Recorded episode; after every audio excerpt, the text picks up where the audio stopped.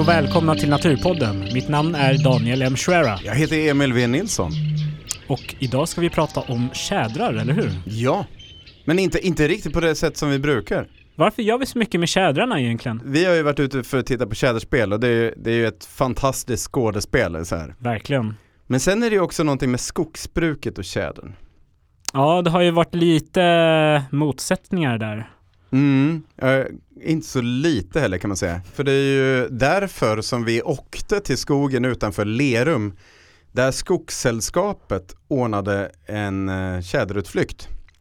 Precis. För där finns det ett eh, tjäderspel som Hasse Österman på Naturskyddsföreningen i Lerum har tittat på u- under 16 års tid. Där äger Skogssällskapet marken och där i anslutning till det här tjäderspelet, mer än 500 meter från spelcentrum, Ja. så har man tre olika områden där tre olika intressenter har fått utforma avverkningar som man menar då tar hänsyn till tjädern. Och eh, den ena ytan har naturföreningar varit med och, och liksom designat och det är då eh, Naturskyddsföreningen i Lerum, det är eh, BirdLife Sverige ja. och det är Jordens vänner. Så det är rena naturvårdsintressen här, skulle man Ja. kunna tänka sig. Ja. Eh, och sen den an- det andra området har Skogsstyrelsen eh, designat. Just det. Och det tredje området har Skogssällskapet själva designat det. Och eh, det här var en regnig dag i skogarna utanför Göteborg. Man hör Landvetter ibland. Ovanligt va? Ja, vi åkte ju dit en dag i förväg. Ja, och varför gjorde vi det Ja, egentligen? vi ville ju känna, igen, känna in området så hade vi lite förhoppningar om att kanske få höra lite höstspel, kanske få lite tjäderkänning. Det här mystiska antispelet skulle man kunna tänka sig så. Ja, lite så. Men eh, vi kan ju redan nu säga att det bidde ingenting för att det, det regnade väldigt mycket. Ja. Då trycker de nog. Ehm, några andra kom då med egna bilar men de flesta kom med en buss senare på morgonen. Det började på en, eh, en mack i Floda. Det är alltså det närmsta samhället till den här skogen, eller hur? Ja, och det ligger nära Göteborg då. Ja.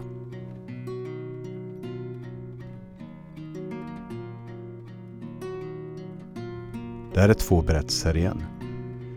Dels är det berättelsen om det tjäderspel som Hasse Österman varit på i skogen söder om Floda, en två och en halv mil nordöst om Göteborg. Dels handlar det här om tjädern och skogsbruket. Hur ska vi kunna bruka skogen genom att ta bort träd och samtidigt ha en utpräglad skogsart som tjädern kvar? Visserligen finns det totalt sett gott om tjäder i Sverige, men mycket pekar på att arten är utsatt i framförallt de södra delarna av landet.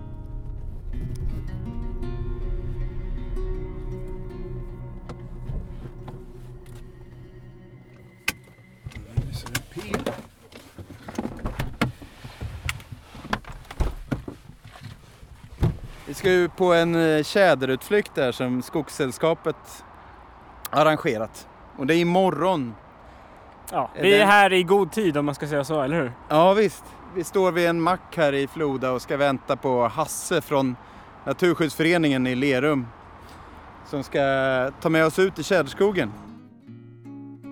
Många förknippar tjädern med en öppen tallskog där det är hällar och renlav på marken.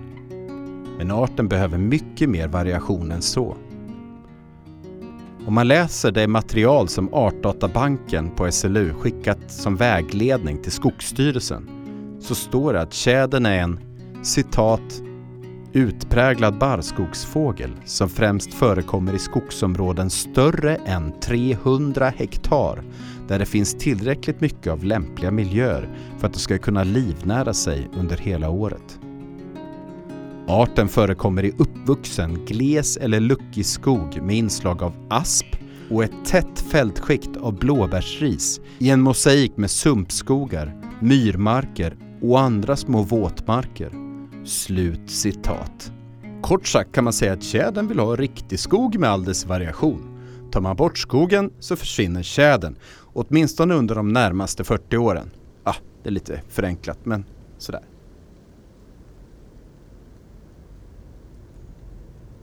Så var det det här med Hasse Österman och tjäderspelet på Skogssällskapets mark. Eh, Hasse Österman, eh, medlem i Lerums naturskyddsförenings fågelgrupp. För du har varit här på tjäderspelet som vi ska, Ja. liksom eh, som är fokus för morgondagens händelser. Mm, Ja, just det. Och jag har ju eh, njutit av det här spelet i 16 år. Det här ja. spelet, eh, Ja, det, hur, det, hur, hur var det första gången du var här? ja, det var ju eh, väldigt eh, spännande. Det var jag och en kamrat som eh, gick upp i skogen här. Vi tänkte vi skulle bara lyssna Ja, om eh, vi hörde någon tjäder. ja, Så att eh, vi la oss under en gran och eh, det dröjde väl kanske någon timma eller så. Det var tre minusgrader så det blev ju rätt så kallt Ja. under granen där men rätt som det så landade en tjäder kanske 10 meter framför oss ja. och började på att spela. Så att eh, vi vågar ju varken blinka eller andas. Så att eh, det var ju en, ett ögonblick som man eh, minns för livet om man säger. Hasse berättar att han kommer till mötet med Skogssällskapet med blandade känslor. Han är uppenbart orolig över hur det ska gå med tjäderspelet och de andra fågelarterna som är knutna till skogen i området. Men han är också hoppfull och ser mötet som ett bevis för att skogsbolagen nu öppnar dörren för ett hänsynsfullare skogsbruk. Så, och det är lite det som är Skogssällskapets eh, motor för det här mötet, att man vill föra samman två parter som har varit eh, ganska långt isär och försöka se om man kan hitta någon Just det. mellanväg. Va? Ja. Så har jag förstått det lite. Jo då, så är det. Ja. Så är det. Så vad är det då för två parter som finns när det gäller tjädern? Och varför har de varit så långt isär? Det är inte så lätt att bena ut som man kan tro, men ytligt sett så är det naturvårdsintressen på den ena sidan och skogsindustrin på den andra. Att bena ut vem som är vem i den här soppan är lite som att hålla reda på alla släktrelationer i Game of Thrones, men här är i alla fall ett litet försök. Först så har vi då naturvården.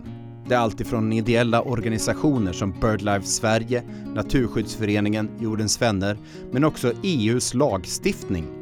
Med i tjäderns fall fågeldirektivet och dess lagliga motsvarighet i Sverige som heter Artskyddsförordningen. Man skulle kunna säga att tjädern har rätt så mycket lag på sin sida. Och det blev tydligare 2014 när tjädern tillsammans med ett gäng andra arter togs in i föreskrifterna för skogsvårdslagen. Sen är det så att både Skogsstyrelsen och Länsstyrelsen ska fungera som tillsynsmyndigheter och det gör det hela lite krångligare. Nåväl, allt det här juridiska syftar till att tillgodose arters behov så att vi stoppar förlusten av biologisk mångfald. Och varför gör vi det? Ja, delvis för att mänskligheten ska kunna fortleva på planeten jorden lång tid framöver. Ha väl. Nu ska vi slå upp tältet då. Ja, Då får jag önska lycka till. Tack så mycket. Regnet håller sig borta. Ja, en stund i alla fall. I alla fall när vi slår upp tältet. Ja. ja, det är ju lite mysigare om det inte smattrar för mycket på tältduken. Nej, så när man ska lyssna. Om man ska lyssna. När, eh, när, när är du här imorgon bitti? Vi skulle träffas eh, nio nere vid Långås lya. Är det bommen eller? Nej, det är här eh, där vi parkerar. Okej, okej. Vi, ko- vi, vi försöker väl eh, vara där strax efter nio. Vi ska, ska packa ihop tältet Ja, och allting jo. så att vi har det ner.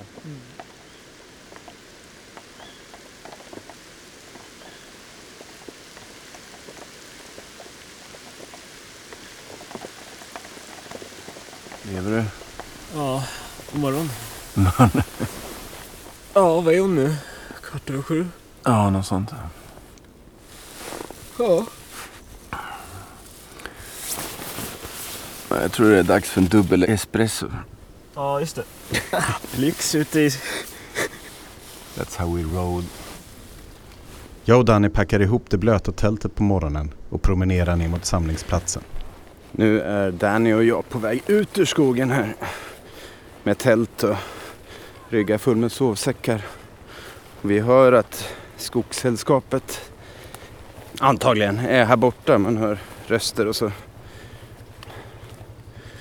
Så vi ska gå ner till bilen nu och lämna lite grejer.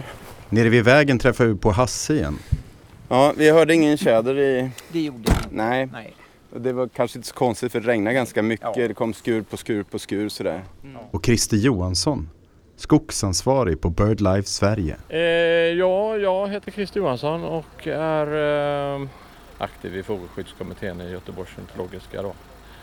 Och sen har jag blivit invald i styrelsen i BirdLife, Soft BirdLife eh, i förra året och eh, fick direkt skogsansvar eftersom det är det jag har haft, eh, eller det är det vi har hållit på med väldigt mycket i Göteborg på de sista åren. Så att, eh, ja, eh, egentligen eh, jobbat väldigt mycket med det här med artskydd då. Sen, sen den här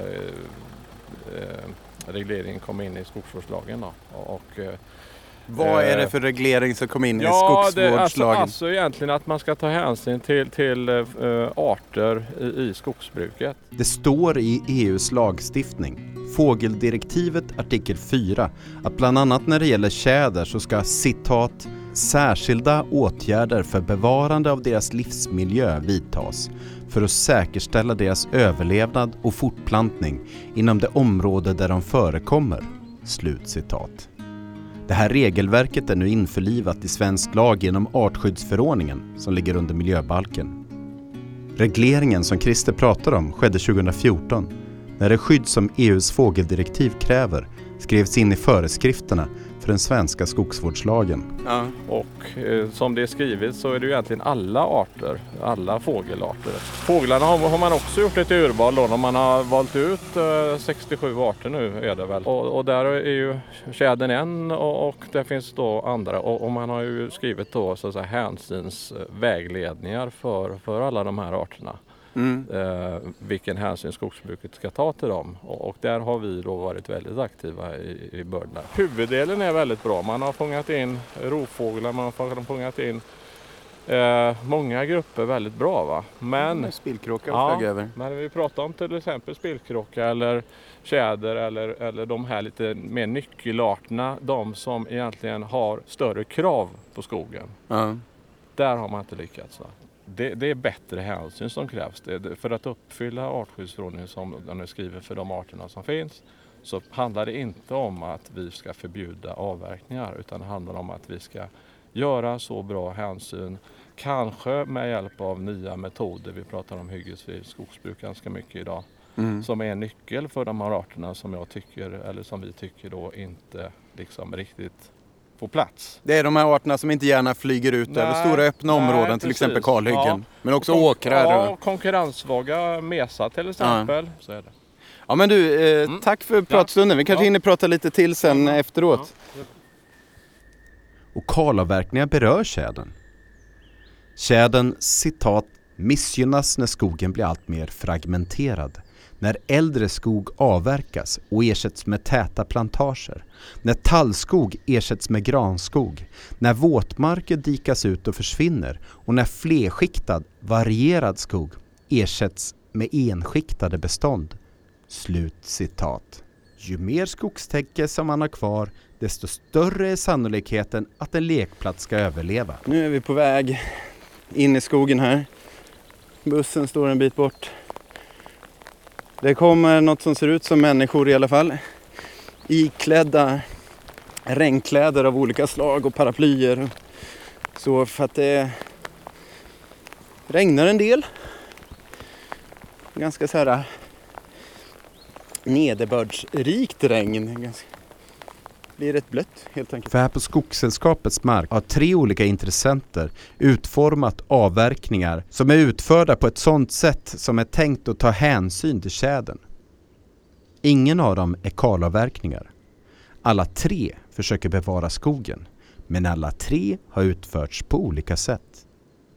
Inom 500 meter runt spelområdet, kallas ibland kärnan, kan inget skogsbruk bedrivas. Men mellan 500 och 1000 meter utanför går det att bedriva ett visst skogsbruk om skogstäcket får bli kvar. Alltså en hänsynstagande form av kontinuitetsskogsbruk. Det som också kallas hyggesfritt skogsbruk. Ja, visst. För nu när vi går här så ser vi två stycken partytält. Det är lite marschaller tända. till och med beachflaggor som det står Skogssällskapet på. Så kommer vi till en glänta och här har man avverkat sina, resten av en lite kraftigare gran. Så ligger det lite kvistrester och sådär som man lägger för att köra skördarna, kanske skotarna på.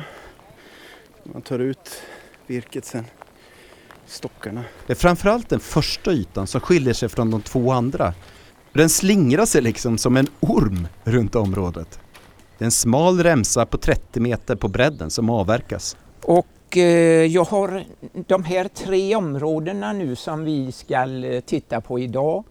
Hasse Österman, Naturskyddsföreningen i Lerum. De har jag besökt efter avverkningen som har gjorts nu och eh, vid ett flertal tillfällen och jag har stött tjäder i vårt område som vi har varit med och utformat här. Och jag har gått igenom Skogsstyrelsens och Skogssällskapets områden och inte sett ett spår av tjäder eller stött någon tjäder. Så att eh, eh jag tror att tjädern kräver bättre eh, hänsyn för att eh, vilja vara kvar i området. Eh, en sak som man är väldigt överens om i de här forskningsrapporterna det är skogs, bibehållet skogstäcke. Jan Hellenberg, Göteborgs ornitologiska förening. Eh, detta är inom ungefär en kilometer från eh, lekplatsen. Så ser man liksom en tydlig kurva här att ju mer skogstäcke som du har kvar desto större är den förväntade sannolikheten för att en lekplats ska överleva. Så det är liksom en direkt koppling. Så hur har egentligen naturvårdsorganisationerna utformat sin huggning? Upp till bevis. Vi har Christer Johansson från BirdLife Sverige som berättar att deras hänsynsyta tar hänsyn till tjäderns krav på tillräcklig skogstäckning eller krontäckning, vilket man vill där, och tillgång till skydd över hela avverkningsytan. Och eh, då vill vi betona det sista här, hela avverkningsytan som vi har fått möjlighet att eh, utforma. Då. Genom en kombination av luckhuggning, på max 0,5 hektar och blädning eh, som är en slags plockhuggning av träd skapas förutsättningar för föryngring av både gran och tall.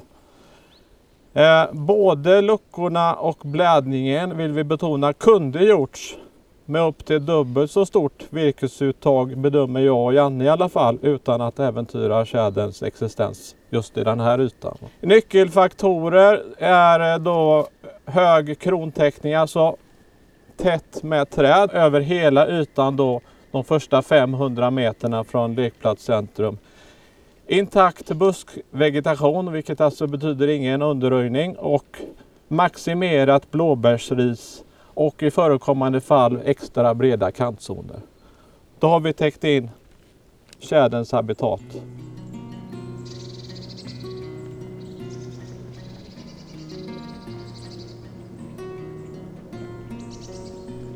Skogsstyrelsen, den statliga myndigheten, är lite som så att de har en fot i varje läger.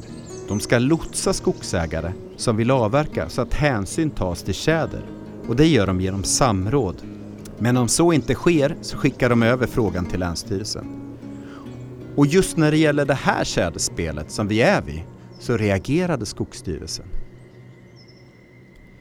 Vi hör Lena Sandell från Skogsstyrelsen. Jo, men eh, nu står vi på ett område då där det 2014 kom in en avverkningsanmälan och den var då på totalt 10 hektar. Vi hör Emil Bengtsson berätta generellt om hur det fungerar när Skogsstyrelsen får in en avverkningsanmälan. Konkret går det till liksom när vi får in en avverkningsanmälan till oss så tittar vi ju och kör mot de register som finns eh, som vi har tillgång till när det gäller Artportalen och se vad som träffar runt avverkningsanmälan. Och vi tittar ju givetvis också på den hänsynsredovisning som markägaren eller ombudet har angivit i anmälan för att bedöma hur den här åtgärden eh, vad det kommer få för effekter. Vi hör Lena Sandell på Skogsstyrelsen igen. Eh, precis som Emil sa då så granskar vi avverkningsanmälan när, vi kom, när de kommer in och eh, vi såg då att den låg inom 1000 meter från en känd spelplats. Och vi kunde också se att eh, det var avverkat stora områden öster och väster om den här lekplatsen redan. Så vi, vi gjorde bedömningen att eh, det fanns risk för att ytterligare avverkningar kunde leda till att tjäderns livsmiljö eh, skulle riskera att skadas helt enkelt. Så vi tog upp det här ärendet som ett samråd med Skogssällskapet och eh, var ute i fält och gjorde för att kunna göra bedömningen vilka försiktighetsåtgärder krävs för att tjäderns bevarandestatus inte ska hotas och skadas. Emil Bengtsson igen. En annan viktig komponent eh, när vi, både Skogsstyrelsen och Länsstyrelsen, jobbar med de här delarna, det är att vi bad Artdatabanken att eh, ta fram artvisa vägledningar för de här prioriterade fågelarterna. Och de här är egentligen det som, som vi lutar oss mot för att göra liksom, bedömningen om den ekologiska funktionen ska bibehållas. Men Skogsstyrelsen kan inte bara prata, de har testat också. Här på platsen har Skogsstyrelsen utformat en, en avverkning som tar hänsyn till tjäderns krav. Vi hör Lena Sandell från Skogsstyrelsen igen. Vi vill ju säkerställa att det fortsatt finns tall i området så att eh, en eh, fröträdställning med, med tall diskuterade vi och det skulle lämnas då ungefär 150 tallar per hektar om jag minns rätt. Man skulle lämna trädgrupper med tall, 60 träd per hektar och vi hade en beskrivning av hur de här trädgrupperna skulle se ut då, med 10 till 15 grova tallar i varje trädgrupp och en viss bredd, 20 meter tror jag det var och att man inte skulle göra någon huggning i dem så man hade kvar den här flerskiktade strukturen. Och på så sätt tänkte vi att man skulle kunna behålla eh, blåbärsris och så i området. Eh, det var också viktigt att lämna kantzoner mot de fuktiga områdena och bäcken, flerskiktade kantzoner. Ehm, kjolgranar, ett antal per hektar. De lövträd som fanns, det är inte jättemycket men det finns lite björk. Ehm, ja, jag tror att det var ungefär det som, som stod i samrådet. Och hur ser det ut här då? Jo, man kan säga att det ytligt påminner lite om ett hygge med frötallar. Men det är många fler träd som står kvar. Man ser några små granar och några enstaka björkar bland stammarna. Och i några grupper längs med en liten bäck står det tätare med stammar kvar.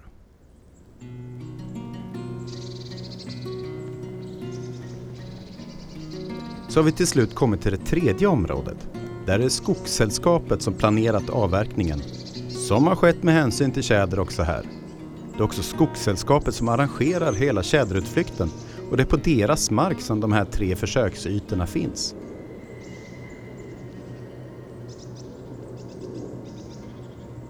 Så vad är egentligen Skogssällskapet? Ja, vi ska inte blanda ihop dem med statliga Skogsstyrelsen. Skogssällskapet är istället en stiftelse som jobbar med skogsbruk i hela Sverige.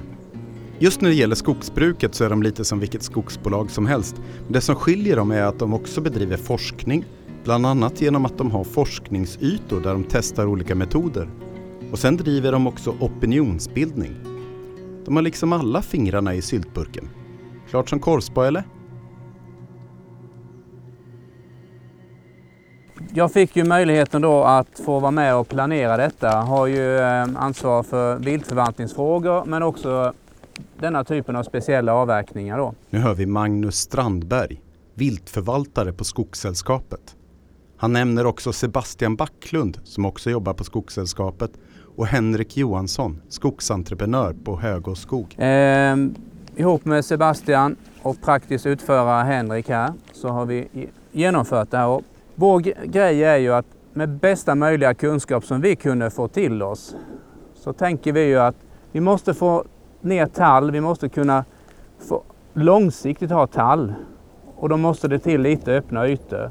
Samtidigt så är vi livrädda för stormar. Vi vet vad stormarna kan göra. Vi måste ha alltså en tät, tätare skärm för, än vad som krävs för plantorna. Samtidigt behåller vi då den här skogskänslan för tjädern. Vi har alltså, vi har satt och vi tror vi har uppnått det, det är ungefär 250 stammar kvar. Eh, och sen har vi ett antal lite mindre öppna ytor. Eh, kan redan nu konstatera att där man har kört har vi ett rejält uppslag av, av eh, grodplanter. Men vi tror att vi måste till, eh, och här kommer svaret på vad vi anser en lätt markberedning är. Vi ska ha in en, eh, liten grävmaskin.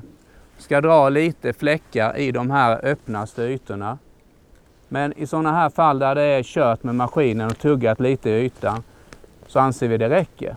Vi måste ha mycket frön i backen här för älgen är ju på hugget. Den biten. Sen så kan jag säga att vi har inte röjt ner en enda stam med vilje som är under 10 centimeter.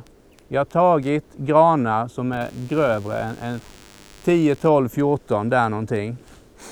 Vi har försökt medvetet spara alla eh, granar som har grenar ner till, till marken, även om de är ända upp till 20-25 centimeter. Vi har också eh, identifierat ett antal ytor som vi inte gör någonting, alltså företrädesvis fuktiga, surdråg, större och mindre. De snitslades av, ingenting har skett där. Får inte, Henrik fick inte slå in några träd där heller. För det handlar ju om den här planeringen som någon var inne på. Eh, hur mycket man än vill, om det inte är någon som sätter sin fot här ute och ser till att det blir som man tänkt. Det här är komplicerade saker. Det måste få ta tid. Antingen för någon planerare eller för entreprenörerna att de liksom har den kompetensen. Och de flesta som kör idag har en väldigt stor kompetens. Dock är detta speciella grejer för alla. Så där måste man som markägare, alla intressenter i det här förstå, det här kostar mer i planeringsstadiet än ordinära avverkningar. Men återigen, de här fuktiga områdena med och utan bärris har vi lämnat helt intakta. Där finns skydd, där finns mat, där finns miljöer som bör fungera för kycklingarna. Och vi har inte förändrat dem någonting där. Eh, någon hade synpunkter på att eh, det skulle vara mer kvar eh, av gran, alltså kantzon och så vidare. Återigen, vi kan inte förändra, där fanns ingenting. Vi har inte röjt ner en enda granpurra eh, här. Någon enstaka har du säkert slagit ner men det, de, bara, de är kvar, det som fanns.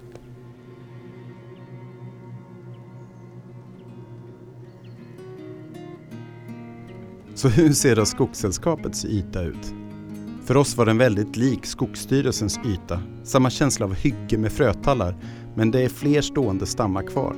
I de fuktiga delarna så syns det att inget är avverkat alls. Det ligger en hel del ris på marken, rester av de vägar som skapats för skördare och skotare.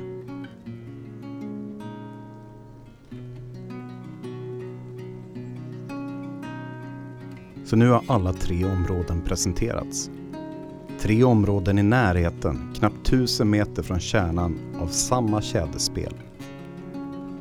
Det känns ju bra att Skogssällskapet skapat den här möjligheten för olika intressegrupper att testa vad hänsyn betyder i praktiken. Samtidigt är det också viktigt att kunna lyfta perspektivet till en landskapsnivå. Ska tjäderspelen isoleras till öar i ett kalhugget landskap? Det här är något som engagerat Jonny de Jong på Centrum för biologisk mångfald, SLU. Och ja, det jag tycker eh, behövs det är ju någon typ av mer landskapsövergripande tänk här, alltså ja. landskapsstrategier där man också eh, på något sätt fördelar de här kostnaderna mellan ja. markägare. Så jag efterlyser ju eh, landskapsplanering i någon mån eh, och jag tror att vi i framtiden inte kommer komma undan det. För nu, nu har vi pratat tjäder här, men mm. tjädern är inte den enda arten. Nej. Utan det är, ju, det är ju många olika arter som kräver lite olika anpassningar. Ja. Eh, så att i slutändan så, så kommer vi nog inte undan någon landskaps, eh, typ av landskapsplanering. Nej. Så det skulle jag ju, mitt önskemål är ju att, att myndigheterna tar initiativ till, till sånt. Va? Så att, eh, så var dagen slut och vi försökte desperat få ett slutsnack med Christer. Där har du din bil, Hindås. Mm. Nej, vi är på väg mot Hindås. Ja, inte hela vägen till Ja, men vi kan köra efter dig. Vi kan köra efter Och så slutligen, att det känns bra, på en parkeringsplats vid en badsjö, äh, inte alls långt ja. ifrån Hindås, lyckades vi få till ett sista prat med Christer Johansson från BirdLife Sverige. Hörde du min dagsbete där ute? Ja, visst var det det? Jag tänkte Ah, säga det. Det var den. Du, du, du, du. Ah. Mm. Ha, Christer Johansson. Nu är det här äh, tjäderutflykten slut. Mm. Har du några tankar här? Eh, ja, många tankar. eh. Efter, efter dagen, har det, har, det, har det väckt någonting? Har du fått en respons som du hoppades på? Alltså vi, vi, vi visste väl ungefär eh, vad som skulle sägas och, och, och hur, de- skulle demonstrera de olika ytorna och så här vidare. Så att, eh, eh, jag hade väl kanske väntat mig mer eh, debatt kanske eh, på olika håll. Nu, hade vi väl lite mindre tid till detta. Det hade vi ju ganska mycket på Tjäderseminariet förra året då. Eh, omkring hur, hur eh, framförallt det här med hyggesvitt och kostnader och, och, och vem ska betala och, och, allt det här då. Eh, Ja. Och det är ju jättesvåra frågor som egentligen ligger eh, långt över våra eh, ansvarsområden eller eh, vå- vårat tyckande eller så här som, som, som, som vi kanske ställer till på olika sätt. Va? Men det, det är ju syfte att vi ska eh, försöka leva upp till, eh, till, till vad, vad, ja, artskyddsförordning och direktiv och. Mm, artskyddsförordningen och fågeldirekt, Ja. EUs fågeldirektiv. Ja, Eh, och egentligen kan man inte se det så här att här har vi sett tre exempel på hur man kan bedriva skogsbruk Mm. i ett område där alternativet skulle vara att man inte gör det Nej. alls. Nej. Nej, så- kan man ju säga det. Och, och, det, de, har väl lite, eh, de har väl lite olika leveranstid så kan man väl säga det för, tjäderns skull. Alltså vår, våran yta är, är ju egentligen anpassad för att tjädern ska finnas kvar nu. Med, Medan de andra två ytorna som jag ser det lite grann är att ja visst, de kanske kan rent av bli bättre tjäderområden om, om säg 30 år eller någonting. Va? Mm. Men, men nu är de ju inte det. Nu, nu är det ju förmodligen uppenbart så att tjädern undviker de här ytorna för att de är lite för öppna. Då, va? Det är lite fokus på Ja. tallföryngringen. Ja, det, det är inte så lite heller. Utan som jag sa då innan så, så, så ligger nog tallföryngringen en del i, i fokus. Kanske även för att uh, tjädern ska... Ja, den hjälper till liksom det här med mera tall som Bo Hultqvist från Skogsstyrelsen pratade om då. Ja. Att de gärna vill se. Brukar du vara på tjäderspel? Ja. Ja. Ja, vi, vi, vi, vi gör ju så här att vi, vi letar ju upp väldigt många tjäderlekplatser. Ja. så vi, mer än vi hinner besöka så att säga. Ja. Men eh, vi har ju övernattat eh, varje år någon gång i alla fall. Då, så att, eh, Behöver ni hjälp? Behöver ni fler i Göteborgs ornitologiska förening som kan eh, hjälpa till och sitta i någon Abs- gömsle? Ja, absolut. Inte minst att följa upp kanske lekar som vi har. Nu bara, har vi letat oss så långt utifrån Göteborgstrakten så vi befinner oss i Borås och uppe i Lerums kommun och, och nere i Varberg. Så att eh, vi börjar växa ur våra... Ja, ja men ja, vad roligt. Ja. Det låter som en rolig, eh, ett ro, roligt uppdrag. Liksom. Ja, och eh, sen har vi ju eh, även skogsgrupper som håller på med, med eh, eh, samma sak egentligen nere i Varberg då som, som börjar nere i, i de trakterna då. Ja. Mm. Ja. ja, men lysande. Ja. Tack så jättemycket. Tack så mycket. Ja,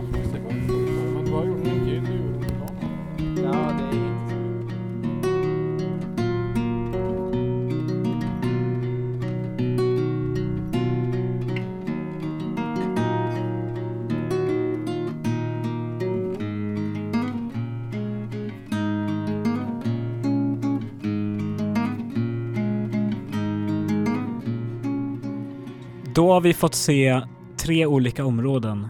Det var alltså naturvårdsorganisationernas område och så var det Skogsstyrelsens område och Skogssällskapets område. Ja, vilket tyckte du, hur tyckte du de såg ut? Var det någon skillnad mellan dem? Det var ju störst skillnad mellan liksom naturorganisationernas eh, område, det som var liksom en slingrande, som en orm som du sa Ja. i inslaget. Eh, och så de andra var lite mer, eh, alltså Skogsstyrelsens och Skogssällskapets områden var ju väldigt lika varandra. Ja, i alla fall för oss som är lite amatörer i Ja, skogssammanhang. i alla fall, ja. Jo, nej men jag tycker det är Mm. intressant för Christer Johansson sa det också att eh, de andra två områdena de har fokuserat väldigt mycket på tallföryngring. Precis. Och det är ju viktigt att det finns tall för tjädern äter tall på vintern då. Men tjäder- inte bara. Inte bara. Medan naturvårdsorganisationerna, de hade avverkat med tanke på tjädern som finns där idag. Inte på Ja. att man ska kunna skapa en fin tjäderskog om 40 år, utan på att tjädern finns där idag. Och att den ska finnas kvar Ja. genom hela processen av ja. Eh, ja, Och- trädföryngring liksom. Ja precis, och som jag fattar det så tänker de att man kan liksom plocka då, då och då i den skogen istället för att man gör Stora man insatser. allt på en gång liksom. Ja, så nu har vi sett de här eh, tre ställena och hur, vad, hur, vet man vilken som är bäst? Ja det vet vi ju inte.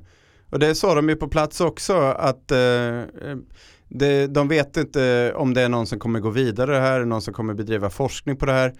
Eh, så, som, som en person med forskningsbakgrund kan jag säga att det är väldigt svårt när man har ett tjäderspel och tre olika områden runt det.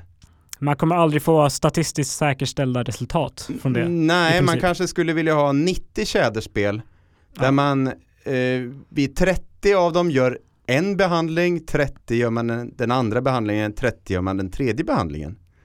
Då kan man bara snacka. Ja, Och så ska det slumpas ut vilken behandling man gör vid vilket. Alltså det är svårt det här med att veta och här är så många olika processer som är inblandade i, i vartannat liksom. ja, men vi hade en, en liten indikation i alla fall. Ja, ju- du menar Hasses? Ja, Hasses eh, vittnesmål om man ska säga så. Ja, men det kan ju vara så att den platsen alltid har varit bäst. Ja, och det kan också vara så att, så att han har gått mer på den platsen också. Ja, det är, svår, det är svårt att säga. Det är väldigt svårt. Vi, vi, vi vet inte. Eh, det vi vet är att BirdLife Sverige kommer komma ut med en kunskapssammanställning om tjädern. Och den har nu blivit framskjuten ganska många gånger. Jag tror det pratas om december nu. Eh, där ute på eh, plats har man oktober. Oj, Eh, vi ja, har just det. tittat på lite eh, diagram därifrån har jag suttit och tittat på idag i alla fall. Eh, den verkar väldigt bra och gedigen. Ja, Eh, och den behöver ju komma ut nu som ett komplement till det som Artdatabanken till exempel har skickat. just det. För de har ju också information. Ja, Och eh, nu kommer vi få en julklapp, skulle man kunna säga. ja det är vi jätteglada Det ska bli spännande. För att ehm, vi är ju intresserade av det här, du och jag. Precis. Vi har ju varit vid ett tjäderspel tidigare i år Ja, och eh, det var ju min, min första ordentliga liksom tjäderupplevelse. Den var ju hur coolt som helst. Ja, och ändå fick du inte se så mycket, du ska bara veta hur coolt det ska vara, kan vara. Och det, Ja. det är kanske femte året som jag har varit där. Och under den tiden har det blivit ett jättestort kalhygge. Eh, som gått eh, rakt igenom spelområdet. Så egentligen skulle man inte få göra ett hygge så idag, om jag har förstått. Utefter dagens regler. Ja, Mm. men vi vet ju inte riktigt hur Skogsstyrelsen tänker här i Uppsala-regionen. Ja, vi har ju hört eh, Västra Götalands, eh, liksom, eh, Ja, eller Göteborgs i alla fall. ja. ja, det är Västra Götalands Västra- ja, län. det är så det är det. Eh, Och eh, det verkar som det är ungefär samma täthet på tjäder här som det är i Västra Götaland. Okej, Så att det finns ju stor risk för att tjädern skulle kunna minska här, men eh, det vet vi inte om den gör. Helt nej, enkelt. det är ingen som kollar. Ja, och men Svensk fågeltaxering har ju de Ja, här data, det, men det finns det. inte tillräckligt många datapunkter från Uppsala län för att kunna säga någonting om här. Nej. Eh, Så att eh, det är väl någonting som vi gärna skulle vilja gå vidare med. Och det vi kommer göra det är ju att följa det här tjäder, den här tjäderlekplatsen, spelplatsen. Absolut. Ehm, Vi har ju redan den- varit och, och, och tagit GPS-positioner på spelskitar och nattträd och sådär. Vi hade en eh, riktig skitdag där. Alltså. Ja, nej, men det var, ju- det var ju ruggigt kul alltså, den Ja. bästa skitdagen hittills. Och det vi såg, jag kollade på karta i morse, alltså det är ju 11 hektar, det här spelområdet. Och det är ju ganska stort. Ja, och jag tror att det har blivit större efter att hygget kom. Att de liksom, Sprider ut sig eller? ja det har, sprid, det har liksom krossat hierarkin som fanns på spelplatsen tidigare. ja. Så har det liksom exploderat ut på massa områden. Och det, det, det vi tyckte oss märka, det tror jag du märkte också från ditt gömsle, det är att eh, de har dragit sig inåt skogen. ja, Bort från hygget. de flyr det öppna helt Ja. enkelt. Jag tror att hygget var precis på gränsen till där en dominant tupp var. Precis. Och nu, eh, han kanske har dött eller så har hans bara makt krossats. Eh, så, så, så kan det nog vara. Så det ska bli jätteroligt till våren. Och till våren så hoppas jag att du och jag och kanske Johanna också Ja. kan få se spelande tjädertupp för att jag tror att vi har bättre chans nu än någonsin tidigare. Ja, men det hoppas jag också på. Men fram tills dess ska det komma en vinter. Precis. Sjöarna kommer frysa. Snön kommer ligga meterdjup. Stjärnorna kommer att gnistra på midvinterhimlen. Men misströsta inte, det finns mycket roligt att göra. Förutom att vara ute och spåra i snön, det ska vi göra också. Men eh, på Biotopia har vi startat lite nya grejer, eller hur? Precis. En hel del eh, saker, speciellt på onsdagskvällar faktiskt. Precis, för vi har då öppet på onsdagskvällar fram till klockan nio på kvällen. Eh, till exempel den första november, då blir det en spelkväll. En spelkväll för vuxna, vad är det för typ av spel? Det är alltså brädspel med biologi-innehåll. Eh, sen har vi en bokcirkel. Boken heter Sapiens, en kort historik över mänskligheten och författaren heter Yuval Harari. Spännande. Ja men eh, jag tycker alla ska hänga på här, det finns eh, några platser kvar. Så alla kan inte hänga på. Nej, men, Men, man kan eh, faktiskt läsa boken själv om ja. man inte får plats. Ja men grejen är, det är tre träffar och inför varje träff så ska man markera tre meningar i den delen man ska läsa. Till, för, till första träffen ska vi läsa fram till sidan 79. Den 11 november, då, då kommer, det är en lördag, kommer vi köra en hel dag om invasiva arter. Det är med Upplands Botaniska Förening, Entomologiska föreningen i Uppland bland annat och Biotopia som ordnar den här. Och invasiva arter, det är ju väldigt stort i hela världen. Så till exempel Lupinerna till exempel. Lupinerna eh, tar över. Det är ju lite ett exempel. Ja, det är Men- som en färgglad zombie. Ja, precis. Men det finns ju andra saker. Det finns svartmunnad smörbult, det finns mårdhund, det finns eh, eh, askotsjuka och almsjuka. Alltså många saker som slår ganska brett. Och eh, den 22 november, det ska vara en onsdag kväll. Då kommer några forskare från SVA hit. Då ska vi ha en samtalskväll om farliga bakterier. Så att eh, om Och du... det är riktigt farliga bakterier. Ja, det, alltså. det är så här mjältbrand och grejer. Ja, för alla gillar väl att höra och lyssna på eh, hur katastrofer är på väg. är på väg. Precis. Eh, och den är nästa avsnitt, vad kommer det handla om? Nästa avsnitt av Naturpodden kommer att handla om en medborgarforskning, ett medborgarforskningsprojekt. Precis, och vad heter det på engelska? Citizen Science. Och det kanske nästan är mer känt under det namnet. Precis. Jag hörde medborgarforskning för första gången alldeles nyss Ja, faktiskt. så- trappa ner på Ja. väg ner till studion. jo, nej, men jag drog ut till kusten med eh, en, två forskare från Stockholms universitet och vi tittade på fåglar som käkar bär där ute. Och det kan ni också göra. Ja, precis. Det kan man göra själv så det finns en app som heter Fågelbär.